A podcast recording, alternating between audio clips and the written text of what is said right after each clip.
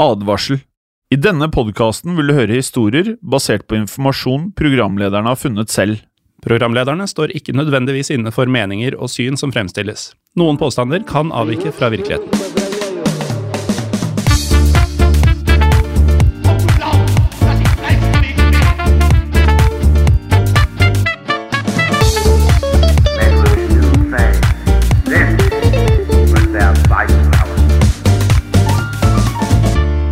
Og velkommen til Historiepodden andre verdenskrig. Mitt navn er Jim Fosheim.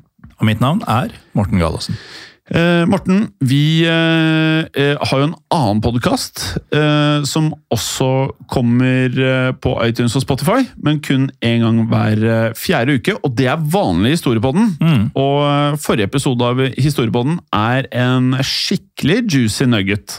Ja, det kan du trygt si. Den, eh, den satte spor i meg å spille inn. Selv om jeg jo kjente historien fra før. Men det å sitte og fortelle den, det, det var ganske tungt. Ja, det er knalltungt, og vi kan jo si at eh, det vel er Nå prater vi mye om denne eh, famøse topp fem-listen over de mest spennende episodene vi har hatt i Historiebånden, men det er vel kanskje lov å sette den blant topp fem, eller? Det kan være, men eh, vi får, vi får vente og se hva, hva folk sier. da. Ja. Men eh, det føltes sånn fra vår side, i hvert fall. Ja. Nei, ta så, ta så Sjekk ut den. Det er eh, i hvert fall eh, genuin glede når man kommer på slutten av, eh, av historien. For det er ganske mørkt, store deler av denne historien der. Det kan du drøyt si. I dag Morten, så skal vi bevege oss inn i et meget fascinerende aspekt av nazistenes propaganda, nemlig hvordan nazistenes politikk og også historie ofte fikk et religiøst uttrykk. Um, og dette skal vi da gjøre ved å ta utgangspunkt i en gjenstand som ble ansett som hellig innenfor nazistisk propaganda, de blodfærne, også kjent som blodfanen på norsk, eller blood flag på engelsk. Men Morten, hva, hvordan skal vi beskrive hva denne blodfanen faktisk var? Jo, det, det skal vi straks eh, svare på, men eh, først eh, litt bakgrunn. For både de blodfane og andre deler av propagandaen var knytta til ølkjellerkuppet i München, som vi har snakka om tidligere, i 1923. Eh, Denne hendelsen lagde vi ikke bare én, men to episoder om. eh, Som ja, jeg i hvert fall anbefaler folk å sjekke ut hvis de ikke har hørt ennå. Mm. Så denne kuriositeten vi har i dag, da, den kan sies å være en slags fortsettelse av de to episodene om ølkjellerkuppet. Fordi kuppet fikk en nærmest religiøs betydning for Adolf Hitler og nazipartiet. La oss starte med en eh, liten oppsummering av ølkjellerkuppet, Morten. I 1923 var Adolf Hitler leder for det den gang minimale partiet kalt Det nasjonalsosialistiske arbeiderpartiet, altså nazipartiet. Eh, Hitler var i likhet med mange tyskere rasende over måten Tysklands ledere hadde latt seg overkjøre i fredsforhandlingene etter første verdenskrig, og da også underskrevet den særs ydmykende Versailles-traktaten. Som vi også har hatt en episode om. Helt riktig, Morten. Eh, De harde betingelser i denne traktaten hadde da skapt enormt med misnøye økonomisk, og også nedgangstider i Tyskland i årene etter freden, altså i 1918. Og misnøyen med landets sosialdemokratiske ledere og den såkalte Weimar-republikken var enorm. Så en eh, utålmodig og selvsikker Hitler bestemte seg for at han skulle starte en revolusjon og på den måten gripe makta i Tyskland. Han eh, fikk med seg den høyt respekterte generalen og krigshelten Erich von Ludendorff på å planlegge en maktovertakelse ved å ta kontroll over et politisk møte, hvor Hitler skulle overbevise mektige politikere om å støtte han i et eh, statskupp. Og Hitler så seg ut et møte i ølkjelleren Burgerbraukeller i München om kvelden 8. november 1923. Ja. Han eh, tok med seg 600 soldater fra nazipartiets eh, paramilitære gren, Sturmabteilung, eller SA, som de også kalles, eh, til nettopp dette møtet i ølkjelleren. Og de skulle da rett og slett hjelpe Hitler med å tvinge de 3000 tilskuerne i hallen til å høre hans tale. Og ved å da holde en høylytt og også engasjerende tale, klarte faktisk Hitler å få folkemengden på sin side, inkludert den viktigste maktpersonen i rommet, Gustav Ritter von Kahr, altså statsfunksjonæren i Bayern. Og Neste dag marsjerte Hitler eh, og de andre lederne i nazipartiet og SA mot det bayerske forsvarsdepartementet for å fullføre revolusjonen. Men da hadde von Kahr beordra politiet og hæren til å stanse kuppforsøket. Så politiet og nazistene de barka sammen ved Feldherrnhalle, som var et eh, militært praktbygg i München sentrum. Og SA det var delt inn i flere divisjoner, kalt Sturm. Eh, og hver divisjon hadde en flaggbærer som bar nazipartiets flagg, med det nå selvfølgelig da svært beryktede svastikasymbolet. Da politiet skjøt mot nazistene, ble flaggbæreren i femte styrm, Heinrich Trambauer, truffet og også mistet flagget på bakken. Andreas Bauriedel, en SA-mann som marsjerte ved siden av flagget, ble drept og falt så på flagget, slik at det da ble dekket av blod.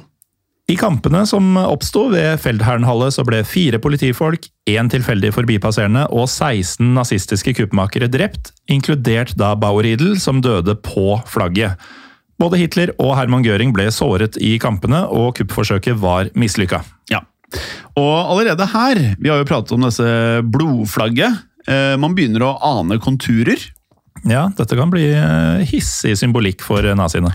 Det kan det, eh, for det oppstod ulike historier om hva som skjedde med det blodige naziflagget i kjølvannet av nettopp dette kuppforsøket.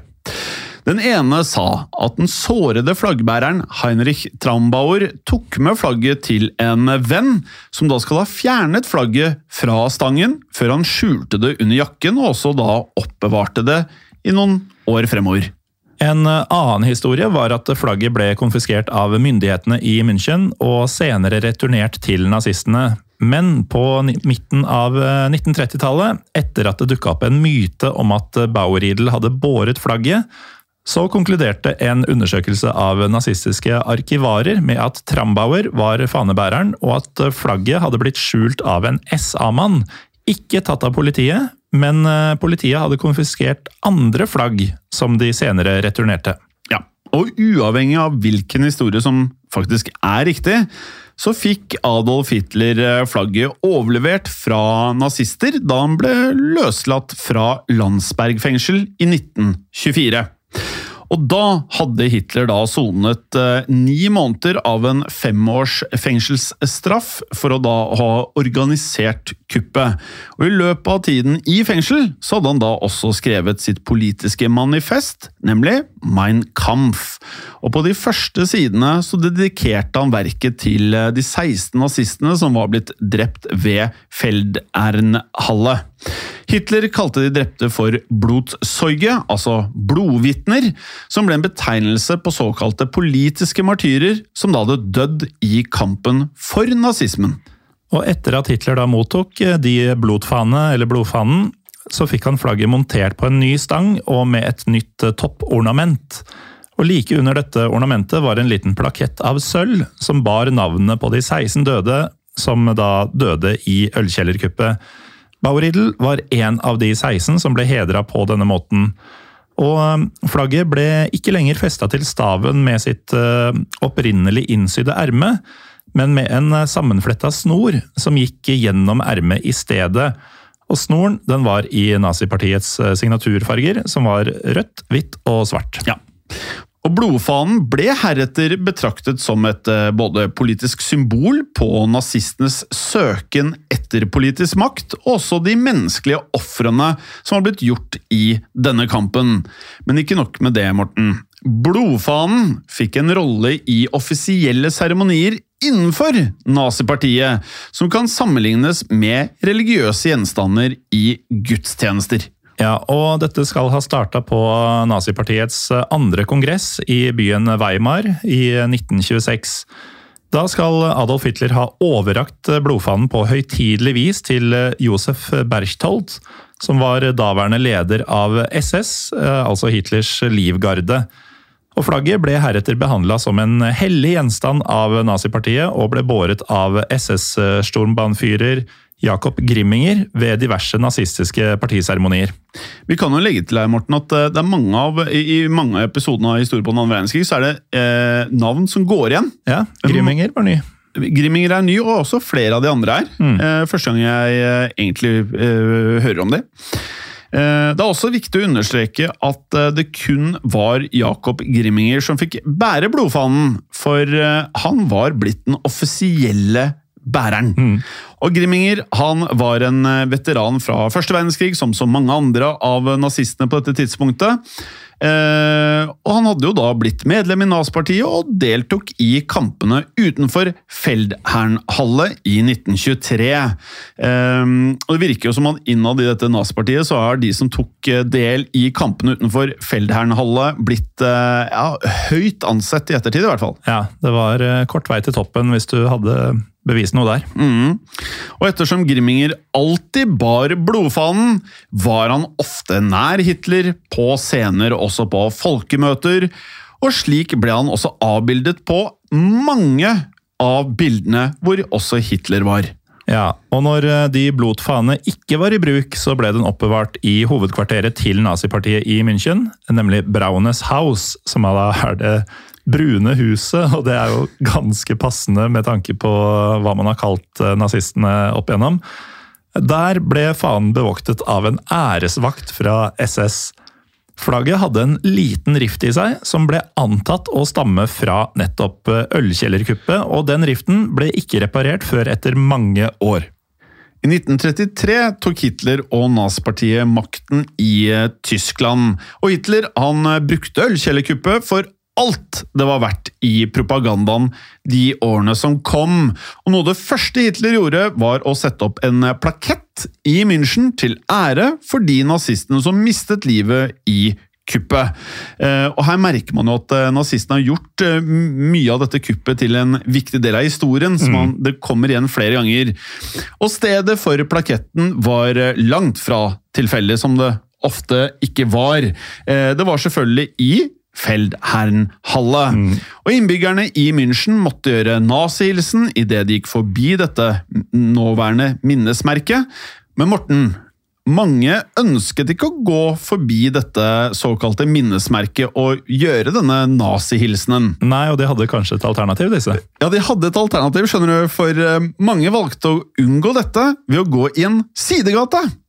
Og denne sidegaten fikk et kallenavn, selvfølgelig, og kallenavnet var Drykkenbergergasse. og Drykkenbergergasse, det betyr rett og slett unnasluntrernes gate. Ja. Ja. Så det var kanskje ikke sånn superærefullt å ta turen via Unnasluntrernes gate, men eh, all ære til de som gjorde det. Eh, men eh, en plakett var tydeligvis ikke nok for å hedre de falne, for året etter så beordra Hitler at det skulle bygges et enda mer høytidelig minnesmonument. I 1935 så sto det såkalte Ehrentempel, eh, Ehrentempel, ærestempelet, ferdig. Innvielsen av eh, dette tempelet er en eh, historie for seg selv. De eh, 16 kuppmakerne som hadde dødd 12 år tidligere, ble først gravd opp fra gravene sine og frakta til Feldherrnhalle. Altså, De var helt sykt opptatt av dette her. Ja, helt, eh, helt ekstremt, faktisk. Og da, mm, på Feldherrnhalle, så ble levningene fordelt under 16 tårn, med da navnene til disse 16. Ja. Og dagen etter skal Hitler ha vandret forbi alle tårnene på høytidelig vis for å vise de døde ære. Deretter ble levningene ført ned trappene fra Feldherrnhalle og lagt på vogner som var eh, drapert i naziflagg. Så ble vognene ført til det nye ærestempelet ved Königsplatz, eh, et annet sted også i München selvfølgelig. På veien ble vognene da fraktet gjennom gater fulle av tilskuere og 400 søyler med evige flammer på toppen! Dette her høres jo ut som eh, noen av de villeste scenene i Indiana Jones, når de skal liksom fabrikkere litt sånn ekstra nazistiske møter. Det blir ikke mindre Indiana Jones av eh, det neste som kommer, Rim. For eh, vel framme på ærestempelet så ble levningene plassert i ikke vanlige kister, men i tunge sarkofager. Ja, det er helt sjukt. Altså, Det er jo stort sett alt Indiana Jones-filmene filmene handler om, Ja. er jo sarkofager. og artefakter. Eh, Disse sarkofagene skal til sammen ha veid 1300 kilo, altså 1,3 tonn. Mens de tunge sarkofagene ble lagt på plass, så skal flagg ha blitt senka for å vise de døde en siste ære. Ja, og det er klart, om du ikke sympatiserer med nazistene nå, eh, Morten, så er det klart at du, hvis du er ung, og, og du er med på noe sånt som dette, det er jo spektakulært. Og hvis du i tillegg blir indoktrinert, og du kjører på med dette her hele tiden, det er klart at denne propagandaen var effektfull. Ja, altså Et lite barn som går forbi, vil tenke wow, for noen viktige personer dette må ha vært. Eh, og dette ærestempelet var eh, bygget i kalkstein, uh, bortsett fra taket som var laget av stål og betong med etset glassmosaikk. Og taket ble holdt oppe av flere søyler, som i et tempel fra antikken. Og hver søyle var syv meter høy. Ved tempelet ble de besøkende pålagt å være knyst, altså stille, ikke bruke hatter, og stoppe barn fra å løpe rundt og leke, da, som her, her, her skulle det minnes de døde. Ja, og over minnesmerket så sto påskrifta Und ihr habt doch gesiegt, som da betyr noe sånn som Og dere seira til slutt likevel, på norsk. Eh, Hitler gjorde også kuppdatoen eh, 9.11. til en viktig merkedag i den tyske kalenderen. På denne dagen så ble det gjennom hele Hitlers regjeringstid arrangert parader og minneseremonier. Ja, og man skjønner jo nå at ølkjellerkuppet hadde en vanvittig spesiell plass i nazismens eh, propaganda, også tankeverden, og at Hitler var ekstremt opptatt av å knytte disse sterke følelsene og nærmest religiøse betydningene opp mot den dagen her. Og dette ble også gjenspeilet i en eh, spesiell seremoni som ble utført på folkemøter, der blodfanen igjen spilte en viktig rolle. Ja, for den aller mest eh, synlige bruken av de blodfane var måten den ble brukt på under nazipartiets årlige Reichsparteitage, altså bedre kjent som rikspartidagene eller massemøtene i Nürnberg. Dette var det årlige partistevnet til nazipartiet i årene fra 1923 til 1938. Og fra 1933, da partiet hadde overtatt makta i Tyskland, så deltok hundretusener av mennesker på partikongressene, som fra da av ble holdt i Nürnberg. Rikssamlingene var omfattende propagandaarrangementer med massemønstringer og opptog av uniformerte partimedlemmer og ledere. Ja, og under rikspartidagene ble nye partifaner innviet i en seremoni der blodfanen ble behandlet som et slags eh, relekvie. Da. Og Seremonien ble kalt Ferenweihe, altså faneinnvielse. Og Der berørte Hitler de nye fanene som ble båret inn, mens han samtidig holdt inn berømte blodfanen fra ølkjellerkuppet. Blodfanen ble også brukt til å forsegle eden til nylig vernepliktige SS-menn. Og i den eh, kjente propagandafilmen 'Triumf des Willens', eller 'Viljens triumf', fra 1935, så kunne man se Fanenweihe, altså denne flagginnvielsen, i praksis. I sin eh, siste tale i filmen sammenligna Hitler eh, nazistpartiet med en hellig orden. Og I filmen var også andre religiøse virkemidler tydelige, og Hitler ble portrettert som en slags germansk Messias, som bl.a. steg ned fra skyene i et fly. Og til og med en katt stoppa opp for å se på Hitler når han kjører gjennom eh, Nürnbergs gater i en åpen bil. Ja, og det føler jeg er sånn de sikkert er veldig glad i å få frem at en katt stoppet her. Til og med dyra skjønner at dette er eh, noe Ja. helt spesielt. Ja. Uansett, denne blodfanen ble sist sett offentlig ved en edsavleggelse for de første medlemmene av Folkstorm, en eh, nazistisk folkemilits, den 18. oktober 1944. Og denne seremonien ble utført av selveste Heinrich Himmler, og mange prominente nazister var angivelig til stede her. Men etter denne seremonien så forsvant blodfanen, og ingen vet nøyaktig hvor blodfanen tok vei. Nei, og det er jo noe vi ofte sier i både denne og vanlige historiepodden, at man veit ikke helt hva som har skjedd med noe. Men man kan alltid spekulere. Eh, Og det spekuleres i om blodfanen brant opp i de alliertes bombing av nazihovedkvarteret Det brune huset eh, i München i 1945. En historiker ved navn Mark Felton har uttalt at han tror at de blodfane Mest sannsynlig ble tatt som, et, eh, som en nazisuvenir av amerikanske styrker, og kanskje fremdeles befinner seg i USA. Det finnes også en liten sjanse for at eh, noen har det blodige naziflagget i en kjeller et eller annet sted i USA. Men eh, hva skjedde med ærestempelet, lurer kanskje folk på nå. Ja, det gjør i hvert fall jeg. Ja. For etter krigens slutt så fjernet den amerikanske hæren de 16 likene fra tempelet. Søylene i tempelet ble resirkulert til bremseklosser fra kommunale busser og brukt som materiale i kunstgallerier, som da ble ødelagt i krigen.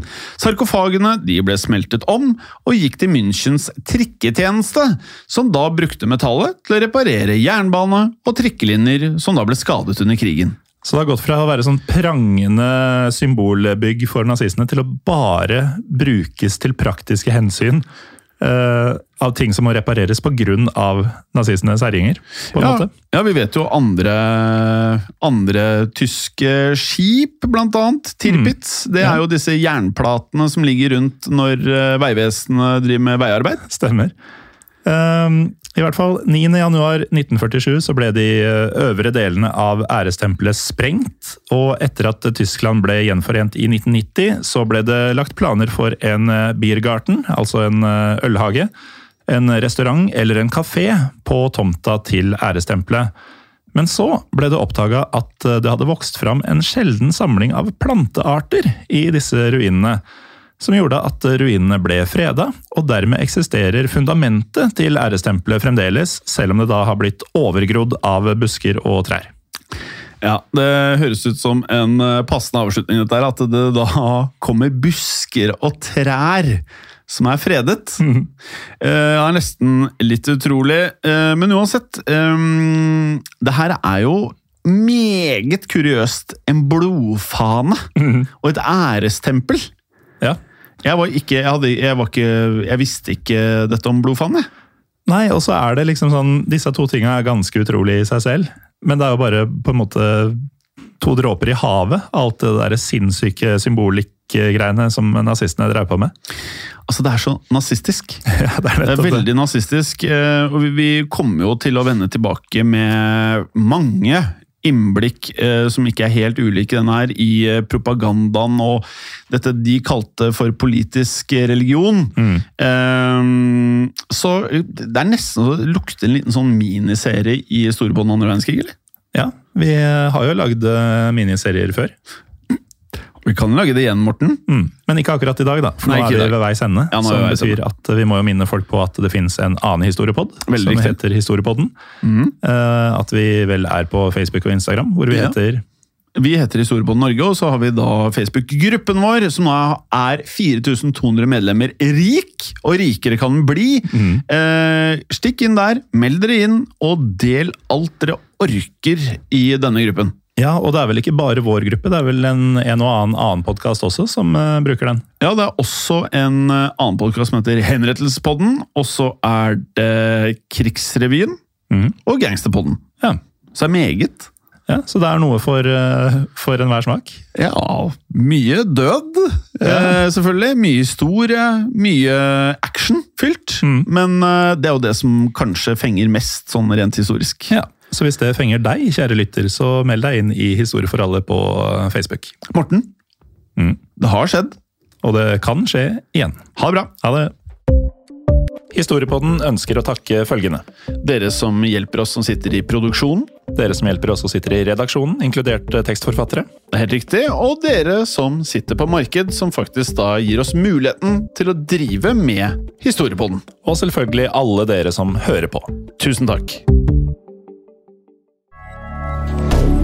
Moderne media. Kiwi er billigst i VGs matbørs og har vært billigst i fire av de fem siste VGs matbørser. Og nå presser vi prisene på frukt og grønnsaker. På 200 gram broccolini setter vi prisen til 24,90. På 400 gram Cevita blåbær setter vi prisen til 49,90. Og husk, alle Kiwi Pluss-kunder får i tillegg 15% trumfbonus på all fersk frukt og grønt. For det er vi som er prispresserne. Og vi i Kiwi gir oss aldri på pris.